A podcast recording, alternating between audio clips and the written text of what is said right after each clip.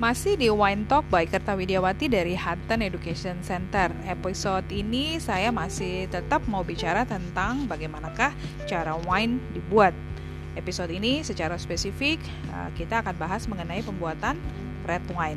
Saya masih ditemenin sama Jeremy Pramana, winemaker, salah satu dari sedikit winemaker yang ada di Indonesia. Uh, dia bekerja di uh, Hutton Winery.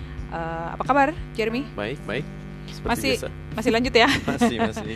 Uh, kita udah bahas lumayan kemarin kita bahas alcoholic fermentation jadi untuk teman-teman yang belum sempat dengerin episode alcoholic fermentation kayaknya boleh matikan dulu episode yang ini balik ke episode alcoholic fermentation karena nanti akan bantu understandingnya pada saat kita bahas di uh, making process hari ini kita bahas red wine ya iya. Red wines. red wine kalau red wine pasti dong warnanya merah. Betul ya. Red wine warnanya merah. Uh, wa- warna dari wine datangnya dari uh, kulit. Kulitnya. dari buah anggur datang spesifik datang dari kulitnya. Artinya secara sederhana kalau mau bikin red wine bahan dasarnya mesti anggur warna merah. Merah. betul ya? Betul. itu kunci dasarnya dulu. Nah harvest dulu berarti. Iya. Tahap pertama seperti biasa, bukan Mhm. seperti biasa ya, harus ya, harus ada harus ada anggur harvestnya atau panen, panen Mhm. anggur. Tadi anggurnya disebut anggur merah. Hmm. Eh, bahasa yang kita pakai anggur merah, tapi kenyataan di lapangan bisa warnanya dari merah muda Mm. sampai Dari mungkin pink sampai, sampai hitam, hitam gitu ya. ya. Sampai ada yang ungu, ungu tua, merah, pekat, macam-macam. nah warna ini yang menentukan apa warna buahnya berdasarkan Em, maksudnya- jenis jenis anggurnya Oh ya? ya jenis anggurnya. Hmm. Beda jenis anggur atau kita sebutnya jenis anggur tuh bahasanya varietas. Mm. Beda varietas, beda warna atau Hmm. intensitas warna, Mm. karakteristiknya itu eh, berbeda. Bukan warna aja ya, akhirnya semua flavornya ya rasanya flavor semuanya semua. oke Nah, eh, dari mana sih warnanya gitu kan? Hmm. Atau yang kita sebut sebagai eh, antosian Mm. itu komponen pigmen warnanya itu Hmm. adanya dari kulit kebanyakan walaupun ada juga anggur-anggur yang flashnya atau Hmm. Daging- pulpnya daging dagingnya buahnya, daging buahnya itu juga berwarna Mm. itu juga ada Oke. tapi mayoritas itu pasti Datang dagingnya dari- itu pulpnya itu warnanya bening ya Mm, mm. jadi kalau tanpa kulitnya dia hasilnya eh, jusnya ya bening. Bening. maka dari itu kalau dengerin mungkin nggak tahu udah diupload atau belum episode yang tentang white wines Mm. Itu dibilang bahwa kita bisa bikin white wines dari anggur yang merah oke karena kita nggak pakai kulitnya aja tapi ini Hmm. kita bicara red wines jadi kita mau ada warnanya warnanya dari Oke. pigmen yang ada di kulitnya Mm-mm. nah di harvest kan Mhm. Heeh. setelah di harvest setelah di harvest udah punya buahnya iya itu eh, kita masuk alat namanya eh, kita bisa di stem Mm. di stem em, itu memisahkan berries sama eh, Hmm. Batang- tangkai batang tangkai ya. batangnya Hmm. itu masuk ke alat em, dia mesin bentuknya kayak silinder tabung di mana Hmm. silindernya itu punya lubang-lubang Mhm. ya dia akan jadi anggurnya masuk ke dalam tabung silinder itu tapi hanya berriesnya aja yang bisa keluar melalui lubangnya oke gitu jadi terpisah Mm. nanti dia memisahkan tangkai ah, tengahnya jadi itu. kayak kayak alat filter lah ya Hmm. cuman lubangnya besar Hmm. yang bisa lewat berries atau Oke. eh, bulir-bulir Hmm. anggurnya tapi tangkainya enggak Oke. nah dari situ biasa di eh, crush crushing Hmm. nah crushing itu mesin crushingnya nggak sama kayak blender ya nggak nggak sehalus enggak itu ya iya Bener-bener crushing itu cuman enggak enggak halus itu aja. kayak dipecahin aja gitu kayak anggaplah ambil anggur terus kita pencet Nah, ya udah kayak gitu segitu dah. dong Ah, ah. Cuman memecahkan dari yang asalnya bentuk bulat berries Ya, jadinya pecah gitu. jadi karena pecah. kita mau cari jusnya gitu ya. Betul. Oke. dan ini langsung masuk ke tangki biasanya. Oke masuk ke tangki langsung. Oke Masuk. dengan ampas-ampasnya tuh dengan semua biji- bijinya, bijinya kulitnya, kulitnya. Hanya tangkainya aja enggak. Oke tangkai yang tengah yang besar yang enggak ya? Yang stalknya kadang-kadang masih ngikut ya? Ada yang masih ngikut. Hmm. Daun batang pohon akar. Oh enggak ya enggak. Enggak parah banget bohong-bohong yang bagian itu bohong enggak, enggak. oke. Iya paling anggurnya aja sih Hmm. yang yang masuk bersama kulit dan Oke. bijinya semuanya. Langsung masuk ke tangki. Ke tangki. Oke. setelah itu? Setelah itu eh, langsung difermentasi oke. ya. Difermentasi yang kita sebut dengan alcoholic fermentation Kita yaitu dengan cara menambahkan ragi, Oke. Iya perlu dengan diingat jus anggur yang masih ada ampasnya, masih ada ampasnya langsung kita masukin ragi. masukin ragi dia akan fermentasi perlu diingat tanpa masukin ragi pun sebenarnya juga bisa dia dia, kan bisa fermentasi sendiri. Heeh. iya cuman kita pengen flavor tertentu pengen kualitas tertentu Hmm. eh, juga eh, ini ya apa salah satu bagian untuk mem- membuat karakter dari wine-nya lah. ya. betul iya kita dengan ragi pilihan lah ya bahasanya iya, gitu ya iya, jadi bukan iya. dengan ragi sembarangan yang ada di Mhm. Udara Karena gitu kita mau hasil finish produknya sesuai yang kita sesuai mau. yang kita mau jadi kita tambahin ragi di situ Oke. nah tambahin ragi kan dia fermentasi Heeh. fermentasi itu eh, nah suhunya eh, berbeda kalau white wines kita di suhu yang agak rendah Mhm. ya kalau red wines kita suhunya agak eh, tinggi bisa Oke. kisaran mungkin sekitar 25an Kenapa harus lebih tinggi? derajat nah biasa dengan suhu yang lebih tinggi itu itu juga membantu mengekstraksi warna yang Oh, ada oke. Terus karakter-karakter flavor yang dihasilkan juga eh, itu berbeda termasuk tanin. termasuk eh, ya termasuk taninnya juga apa itu tanin tanin juga adalah s- senyawa komponen eh, fenolik ya Hmm. eh, yang ada di anggur Mhm. Em, dan tanin itu juga itu sesuatu yang kita inginkan di red, Red wine wines. karena itu membantu membentuk uh, mouthfeel juga membantu untuk uh, Ngasih body anggur ya ya. ngasih body dan juga uh, sebagai hmm, apa namanya senyawa untuk membantu penyimpanan wine Oke. jadi makin banyak taninnya wine itu makin bisa disimpan lebih lama. makin lama Oke, nah teman-teman biar nggak bingung, tanin itu apaan? Kalau minum red wine kita suka rasain ada rasa sepet ya. Iya. Ya, kadang-kadang ada rasa sepet. Nah, rasa sepet itu dalam wine istilahnya kita sebut tanin. Nah, rasa sepet itu juga datangnya salah satunya adalah dari kulit. Jadi tadi kulit buah anggur bukan cuma memberikan warna terhadap wine, tapi juga memberikan flavor tanin. Makanya cuma ada di red wine rasa tanin itu nggak ada di white wine karena di white wine nggak ketemu sama kulitnya, gitu ya. Nah, Hmm. artinya apa? Tadi setelah crushing terus langsung masukin tangki langsung fermentasi. Jadi pada saat proses fermentasi, pertanyaan berikutnya, sampai kapan proses ini dilakukan? Nah itu sampai simpelnya sampai selesai, tahu selesai enggaknya gimana itu kita lihat sampai gulanya udah nggak ada ya sampai dry. Balik lagi nanti kalau bisa dengerin di episode yang tentang Alcoholic. alcoholic, fermentation Hmm. itu bagaimana cara kita mengetahui Hmm. bahwa fermentasi itu udah selesai atau enggak. Mm. Tapi singkatnya ketika gula udah nggak ada berarti ragi itu udah nggak bisa makan apa-apa, Ah. di situlah fermentasi udah selesai. Selesai.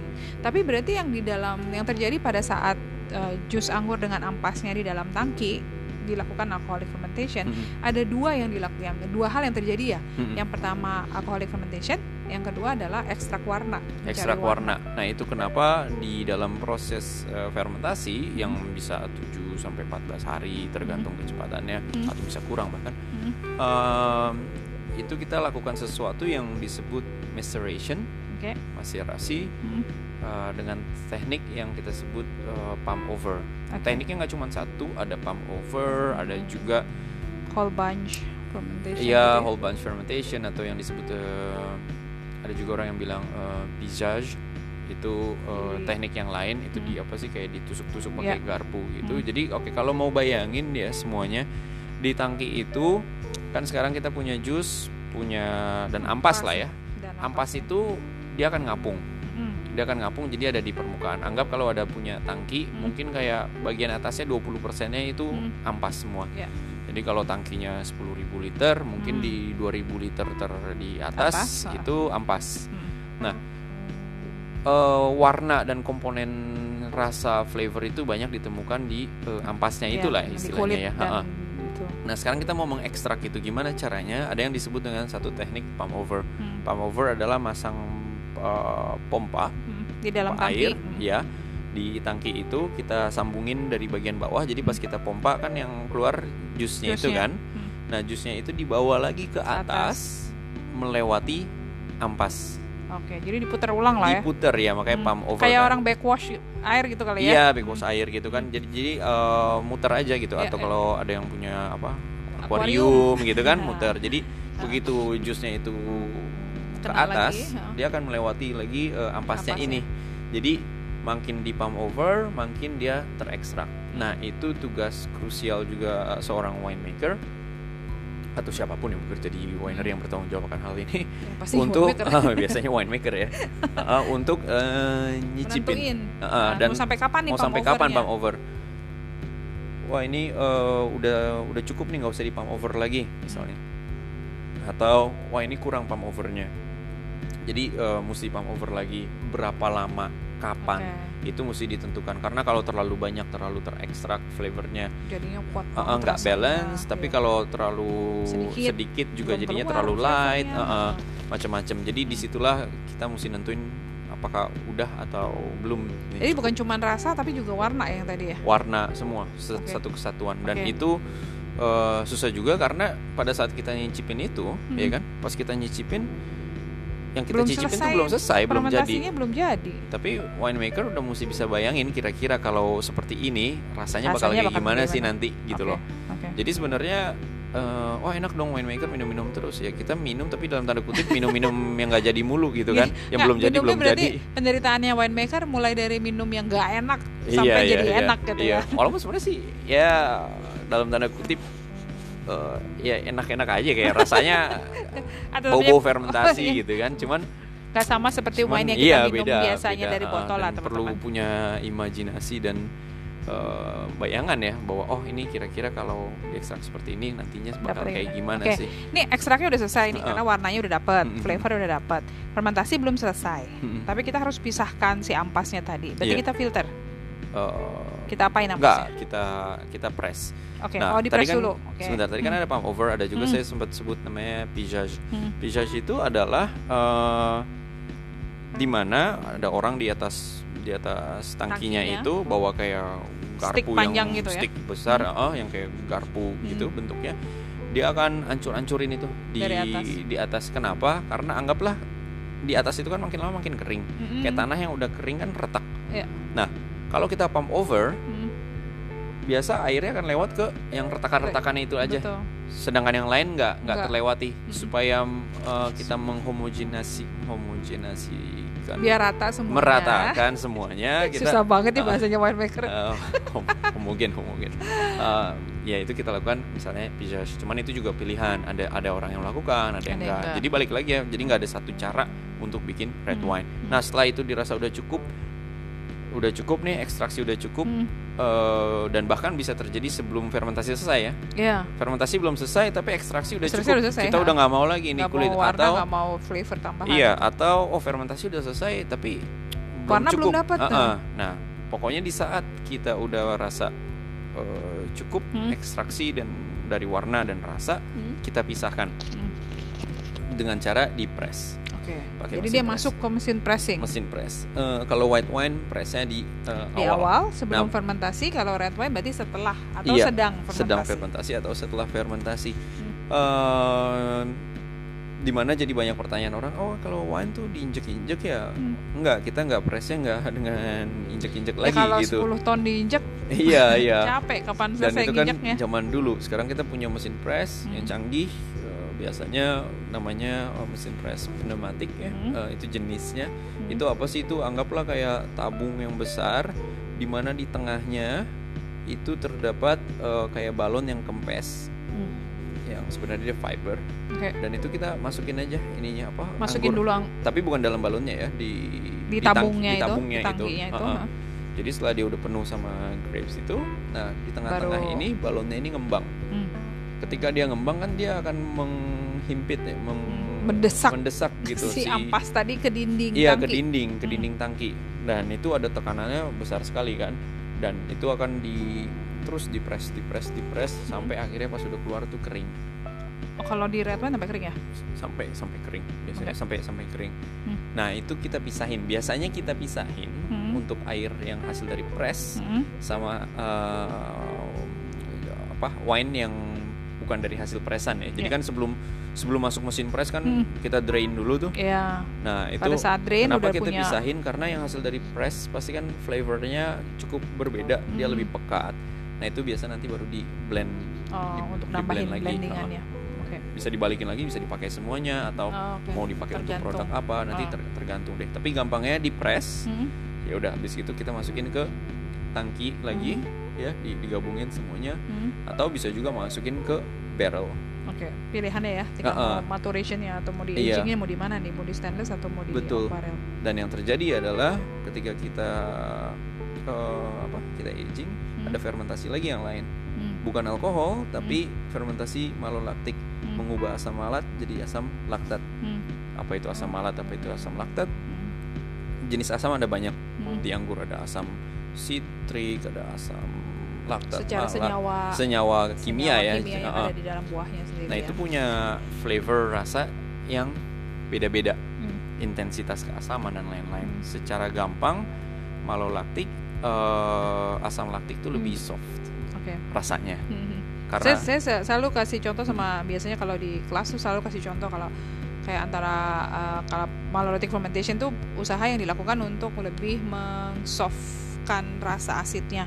Jadi bayangannya biar gampang selalu kalau kasih sampel kayak kita makan apel, apel Mhm. hijau kita makan kita gigit. Nah, Mhm. gigitan pertama tuh kan asem banget gitu Iya, ya, iya, nusuk iya, asem. Nah, kita nggak mau rasa asam yang nusuk kayak begitu yang kita rasakan di wine hmm, makanya dilakukanlah si malolactic fermentation itu untuk biar bisa asam yang tadi rasa uh, apel yang kita makan pertama bisa jadi lebih soft jadi lebih nyaman di mulut Iya. dan di gigi dan dari katanya juga laktat atau laktik Hmm.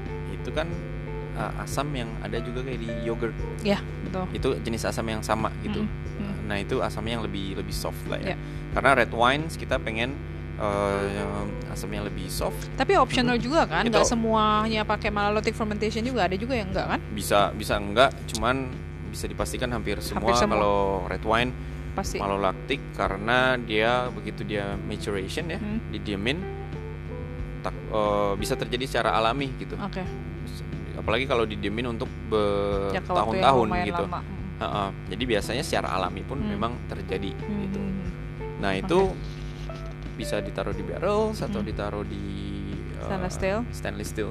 tergantung lagi uh, flavor komponen Style. apa dan Iya, stylenya iya. yang mau dicari Mungkin yang ya. belum sempat terlalu kita bahas atau kita jelasin Hmm. apa kalau gitu bedanya masuk ke barrel sama yang enggak gitu ya. ha. Karena ketika masuk ke barrel itu kan dia ada kayunya, kayunya Hmm. juga bukan sembarang kayu tapi disebutnya oak. Hmm. Oak itu akan memberikan uh, flavor rasa tambahannya ya, flavor gitu. Hmm. Flavor kayak apa sih? Macam-macam. rasa-rasa kayu Iya iya rasa-rasa kayu, kayu manis enggak. Eh, lebih yang paling banyak rasa-rasa kayak vanilla, Hmm. spices, eh, tobacco, Hmm. rasa toast gitu. Ya. Karena kayunya itu sendiri kan sebenarnya dibakar kayunya. Jadi Hmm. adalah rasa-rasa toast gitu. Hmm. Eh, paling gampang untuk mengetahui ya dengan beli red wine yang oak makin barrel Iya iya. Em, makin banyak sering tasting ya makin ya makin tahu bisa gitu. deteknya Heeh. lagian bisa juga keluar komponennya yang bukan cuma juga flavor komponen ya kayak earthy leather kayak Iya bisa itu, banget, bisa itu banget. datangnya datang datang dari di oak barrel juga jadi bagaimana eh, komposisi flavornya berubah karena Hmm. ada penambahan si oak barrel tadi kayaknya nambah satu kalau di oak barrel berarti salah satu fungsinya dia juga menurunkan rasa tanin ya Iya, jadi yang bikin lebih tadinya soft. lebih soft, ya yang Lebih tadinya soft. taninnya lumayan harsh gitu Mm-mm. jadinya lebih Kenapa? soft Karena barrel itu juga kan punya micro uh, pores ya, Hmm. apa uh, pori-pori. Pori uh, yang dia kecil dia, banget, dia pori-pori lebih lebih berongga kan Uh-uh. dibandingkan bisa di di stainless compare steel. sama stainless steel Ah, nggak ada pori-porinya dong Iya. Mm. uh, ada juga cuman lebih Dibuat. lebih kecil sekali Iya, iya, dibandingkan kayu ya. Hmm. Nah, itu ada ada namanya uh, oksigen tuh ada keluar dan masuk gitu. Jadi dia bikin wine ini terpapar oleh oksigen, Oksigen. dalam Jumlah dalam rate yang banget. kecil sekali dan Hmm. itu membantu Hmm. untuk bikin wine ini rasanya uh, lebih smooth, Oke. lebih uh, berubah, lebih aging jadi yang Hmm. sesuai yang kita kita inginkan. Nanti itu juga tasting lagi ya. Hmm. Sampai berapa lama sih dirasa cukup? Oke, mau berapa lama Oh tiga bulan udah atau enam bulan atau Hmm. bisa sampai dua tahun Hmm. itu tergantung gitu Oke. dari barrel. Jadi tergantung nanti uh, stylenya yang mau dicari oleh si winemakernya seperti apa. Iya betul. Setelah selesai maturation, Mhm. udah dapet nih, udah Mhm. oke gitu. Stabilisasi. Stabilisasi kita Oke. stabilisasi. eh kita Tetap stabilisasi. tetap pakai cold stabilization. cold ya? stabilization. Hmm. eh, jangka waktunya mungkin kira-kira 7 sampai 10 hari gitu ya. Oke. Lebih cepat daripada white wine? Iya, lebih cepat daripada white wines karena sebenarnya kalau red wine nggak akan pernah 100% stabil sestabil-stabilnya Iya, ya. iya. Karena di situ masih banyak sekali eh, komponen-komponen Komponennya. lain Hmm. dan reaksi kimia tuh ada yang cepat, instan Hmm. atau sedang atau lama. Jadi Hmm. eh, seiringnya waktu berjalan pasti ada aja kayak reaksi-reaksi yang menimbulkan em, apa byproduct yang lain ya seperti yang kita lakukan di cold stabilization Hmm. dengan diturunkannya suhu Hmm. eh, itu membentuk kristal-kristal em, tartrik. Hmm. Nah itu kristal dari eh, asam tartrik yang terbentuk. Hmm. Kalau kita nggak cold stabilization, eh, cold stabilizing maksudnya, Hmm. kita masukin kulkas nih, terus tiba-tiba terjadi endapan-endapan, terus Oke. eh, bentuknya kayak kristal. Nah itu itu itu yang Sentimen bisa gitu ah, ya. resiko yang bisa terjadi. Bukan resiko sih, sebenarnya eh, ada sentimen aja bisa membingungkan konsumen. Misalnya ini kenapa Tapi begini gitu. sebetulnya sentimen itu baik-baik aja kan? Baik-baik aja. Ke, ke minum pun nggak apa-apa. Nggak nggak apa-apa, Eh, bukan berarti wine-nya spoil sama sekali nggak. sama sekali nggak. Sama Cuman sekali nggak. eh, eh, negatif side-nya adalah yang nggak nyaman, nggak nggak indah dipandang mata sama nggak nyaman ketika diminum gitu aja ya. Iya, walaupun sebenarnya kan itu mengendap di bawah, jadi Iya. nggak nggak Kalau ti- apa-apa. kalau teknik menyajikannya betul nggak Ya, campur juga gitu. Betul, heeh. Oke. Oke, cool stabilization terus filter. di filter. Setelah Oke. itu di filter, Mhm. jadi udah benar-benar ya udah tahap terakhir ya di filter Mhm. karena kan habis masuk kayu dan lain-lain kan Mhm. masih ada tuh em, partikel-partikel Particles ya yang yang yang dia belum jernih sekali. Nah, Mhm. sekarang kita filter. Oke, uh, pertanyaan kan kalau di wine ada mengandung sulfit. Iya, iya, iya. Di mana sih masukin sulfitnya? Oh, Kita kelewat oke kayaknya. oke. Sulfit Sulfitnya di mana oke. masukinnya? sulfit tuh bagi yang belum tahu itu Mhm. SO2 Mm-mm. atau komponen kalau SO2 paling mendekati di kehidupan sehari-hari belerang ya seperti Mhm. itu. Dia punya eh, beberapa sifat sebenarnya. Mm. Bisa antioksidan, Mm-mm. mencegah Bakteri. oks ya, Ya. eh, oksi, oksi maksudnya mencegah oksidasi Ya. atau juga dia antibakteri Antibakteri ya. Ah, ah, antibakteri membunuh bakteri Mm-mm. jadi dia bisa mempreserve wine itu Mm-mm. juga lebih eh, lama nah itu masukinnya macam-macam biasanya yang pertama adalah pada saat crushing Oh, oke. Pada jadi saat dari awal jadi pas anggur datang, datang udah itu biasa udah udah udah dikasih Oke, tujuannya itu untuk memastikan nggak ada bakteri yang mematikan, mematikan ya bakteri yang datang dari buah anggur yang baru dipetik gitu ya. betul itu, Ah, itu satu oke. Heeh. Terus Eh, kalau nggak di situ di mana lagi? Karena kan sebelum akhirnya kita masukin ragi Hmm. itu kan ada apa ya ada time window di situ Yes. yang beresiko kalau Hah? tiba-tiba ada bakteri yang udah mengambil alih fermentasi dan Iya, lain-lain kita nggak mau nah habis itu setelah fermentasi Hmm, hmm, juga itu kita bisa eh, tambahin hmm. karena fermentasi udah selesai kita udah nggak butuh ragi dan Hmm. lain-lain itu kita bisa tambahin yang Oke. dan kalau selama kita aging Hmm. di barrel apalagi kalau bertahun-tahun Hmm. itu kita mau maintain sebenarnya Oke. Maintain level eh, SO2-nya berapa. Karena ada ada apa ya ada level-level tertentu yang mulai eh, beresiko Ya. dan seiringnya berjalannya waktu SO2 tuh hilang. Oke. Hilang hilang aja begitu. Evaporate Ha-ha. gitu kayak udara gitu. Iya, atau dia eh, bergabung sama senyawa yang lain Ha-ha. dan lain-lain. Hmm. Nah, jadi biasa eh, itu rutin deh ditambahin ditambahin untuk maintain level aja Hmm. kalau kita agingnya lama. Hmm. Tapi kan ada aturan khusus ya bahwa yang namanya Ada- ada itu nggak aturan. boleh Gak boleh lebih dari, sekian. sekian persen Ah, ah, ah, gitu ah. kan. Itu, itu ada, itu ada. Nah, habis itu yang terakhir sekali Hmm. itu pas saat bottling biasanya. Oke. Ditambahin lagi supaya itu udah itu menjadi yang eh, Terakhir lah. Terakhir. Makanya kalau wine yang masih fresh, masih baru keluar dari pabrik atau apa, mungkin pas dibuka hmm, ada sedikit, Ada sedikit wangi bau, sulfur ah, gitu loh. Betul, betul. Eh, itu hal yang normal. Hmm. Sebenarnya tanpa ditambahin pun Hmm. ragi secara alami juga dia me- apa menghasilkan menghasilkan sulfur itu sendiri gitu. Jadi itu byproduct juga yang secara alami ya. Jadi memang habis itu kita nambahin aja gitu loh. Oke. Nah, teman-teman kadang-kadang suka ada pertanyaan, saya sering banget dapat pertanyaan gini. Berarti wine itu kan mengandung sulfur ya, mengandung sulfit. Uh, itu katanya yang bikin pusing lah dan segala macam segala macam. Sebetulnya yang namanya sulfit atau sulfur itu tadi ditemukan di semua jenis makanan ya. Maksudnya itu kan salah satu bentuk uh, pengawet makanan. Jadi kalau teman-teman bilang katanya, aduh minum wine gue pusing gitu. Sebetulnya bah, dikaji dulu udah pusing ini karena pusing mabok karena alkohol atau Iya. karena karena sulfurnya atau sulfitnya gitu. Karena sekarang kalau mau berdasarkan riset ya di wine itu misalnya sulfit komponennya saya pernah baca itu sekitar misalnya 20 poin gitu ya. Di french fries itu bisa 300 poin. Hmm. Jadi preserve yang dipakai untuk bisa mengawetkan si kentang sebelum jadi french fries itu bisa sampai 300 poin sementara di wine cuma 20 poin. Bisa Hmm. dibandingin nggak? Jadi kalau teman-teman pusing minum wine Bainda harusnya pusing juga waktu makan french fries karena si sulfitnya jauh lebih tinggi. Masanya Nah. kalau kita minum wine habis banyak-banyak lupa tagihan kartu kredit meledak gitu kan pusing. itu pusing yang lain Itu itu. Oke, itu pusing yang lain. Oke. Oh gitu. Ya, ini Cukup ya? sulfitnya. Uh, jadi cukup menarik teman-teman. Jadi ada beberapa poin yang berbeda.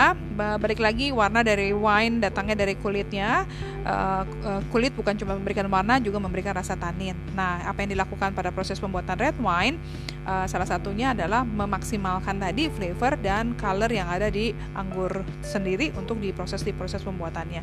Jadi kuncinya dari mulai harvest, kemudian crushing, habis crushing dengan ampasnya tadi kita langsung lakukan alcoholic fermentation. Pada saat proses pembuatan, pada saat proses alcoholic fermentation ada dua yang kita lakukan. Yang pertama alcoholic fermentation itu sendiri merubah sugarnya menjadi alkohol dan karbon dioksida. Yang kedua adalah ekstrak color dan tanin yang ada di uh, kulit atau di ampasnya tadi. Baru kita pressing untuk kita pisahkan. Setelah pressing baru kita maturation. Maturationnya pilihannya mau di stainless steel atau di oak barrel. Baru dilakukan cold stabilization, filter sampai bottling.